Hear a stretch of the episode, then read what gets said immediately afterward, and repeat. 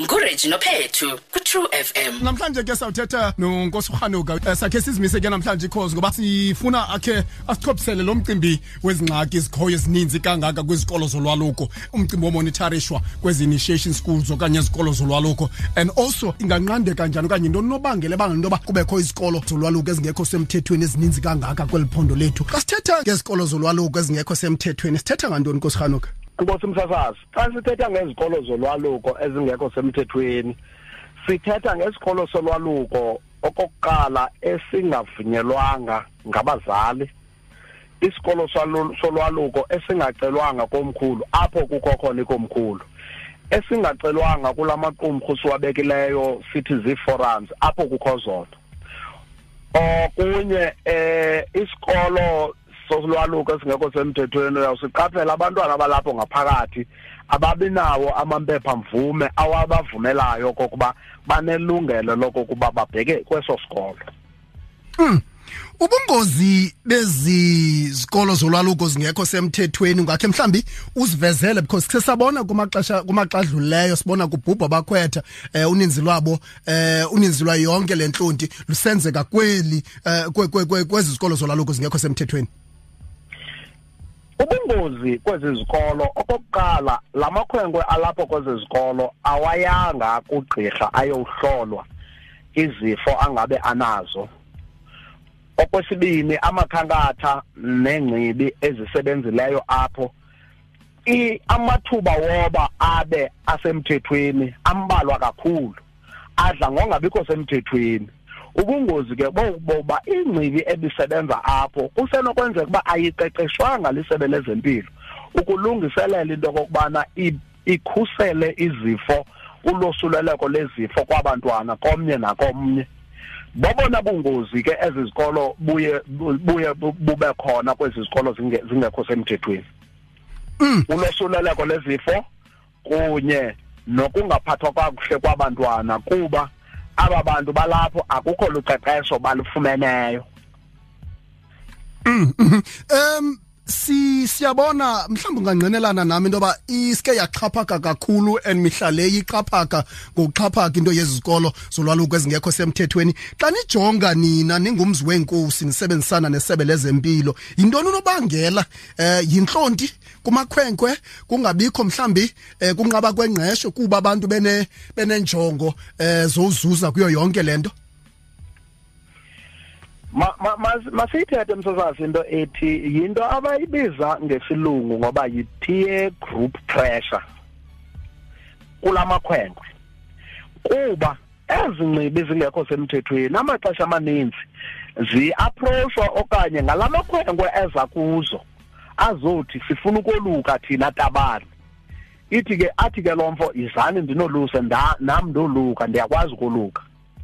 Yi-peer pressure eba kulamakhwenkwe okanye luxinizelelo ngokokuba ehlala pha esikolweni kuba esikolweni kukho indlela abahlala ngayo abantwana. Nesiyicelayo kootishala uba mayikhuselwe ingabikho. Bahlala abantwana ngokwe-groups kuthiwa abolukileyo ngapha bongolukanga ngapha.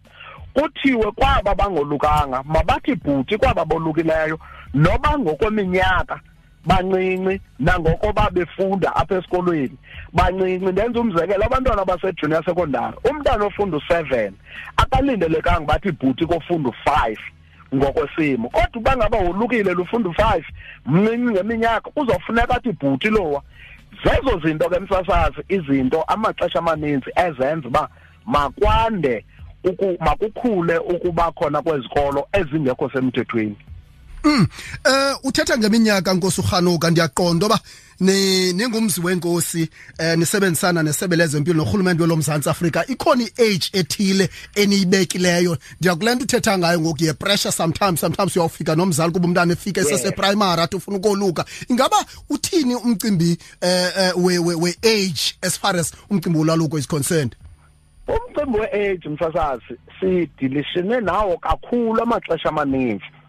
Uyawukhumbula kukumthetho wesebe lezempilo owasungulwa mhla kwaqalisa ubhubha amakhwenkwe phaa ebhayi kulaa mmandla wasebhayi. Kwasungulwa kumthetho ekwakusithiwa ngumthetho we ngabelamakhumsha we-health standards apho kuzawujongwana nempilo phaya.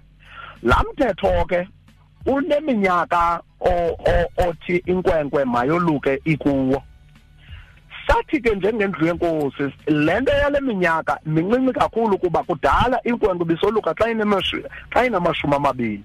Kodwa ke ngoku njengoba sisazi uba umthetho wabantwana uthi inkwenkwe xa ineminyaka elishumi elinesibhozo ibizwa ngoba yimajor ngesilungu. Xa ingaphantsi kwiminyaka elishumi elinesibhozo kuthiwe yiminor. Sathi ke thina masiqale apha kwishumi elinesibhozo. Sasungula ke ipolisi ethetha loo nto. Ngoku ndithetha nayo iyasebenza loo polisi yiyo ke eye yenza okokuba kube khona umthetho oyilwayo okuthiwa yi-initiation act yalapha kweli phondo. Lo mthetho lowo uqala strictly kwi-18 years.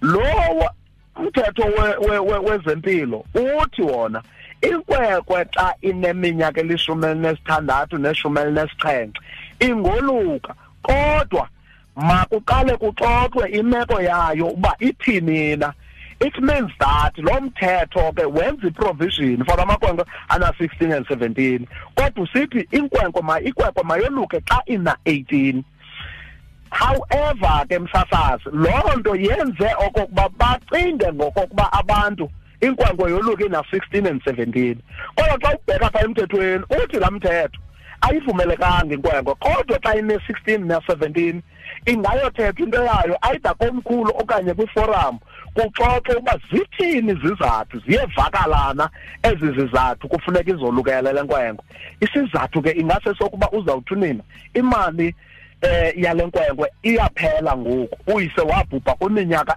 elishumi edlulileyo. Ndifuna ithi phela ndibe ndiyolusile le nkwenkwe ndenza umzekelo wezizathu Mm. Ngithe ukuthi ke msasazi ke ayidibe khona ke ngoku kodwa ngokwalamthetho thina siwuyilileyo sithe 18 years. Zisiphi izinto ezibalulekileyo umzala makazazi xa kuthethwa ngokukhetha mhlambi eh ingcibi lizawusebenza umntana nekhankatha eli lizawuhlala nalentwana pha enkosi msasazi izinto ezibalulekileyo msasazi xa kukhethwa ingcibi okokuqala kukhethwa umuntu owaziwayo apha ekuhlaleni okanye owaziwayo kulungingqi. Into okokubana ngumntu lona ococekileyo emzimbeni ngumntu lona ongalaliyo etywaleni okanye ohlala etywaleni. Kwakhona ngumntu one-track record elungileyo apha ekuhlaleni ingabi ngumntu owake watyholwa ngobusela wabheka ejele wathinthini ezo zinto zimbi zeziwayo ekuhlaleni. Into yokuqala leyo.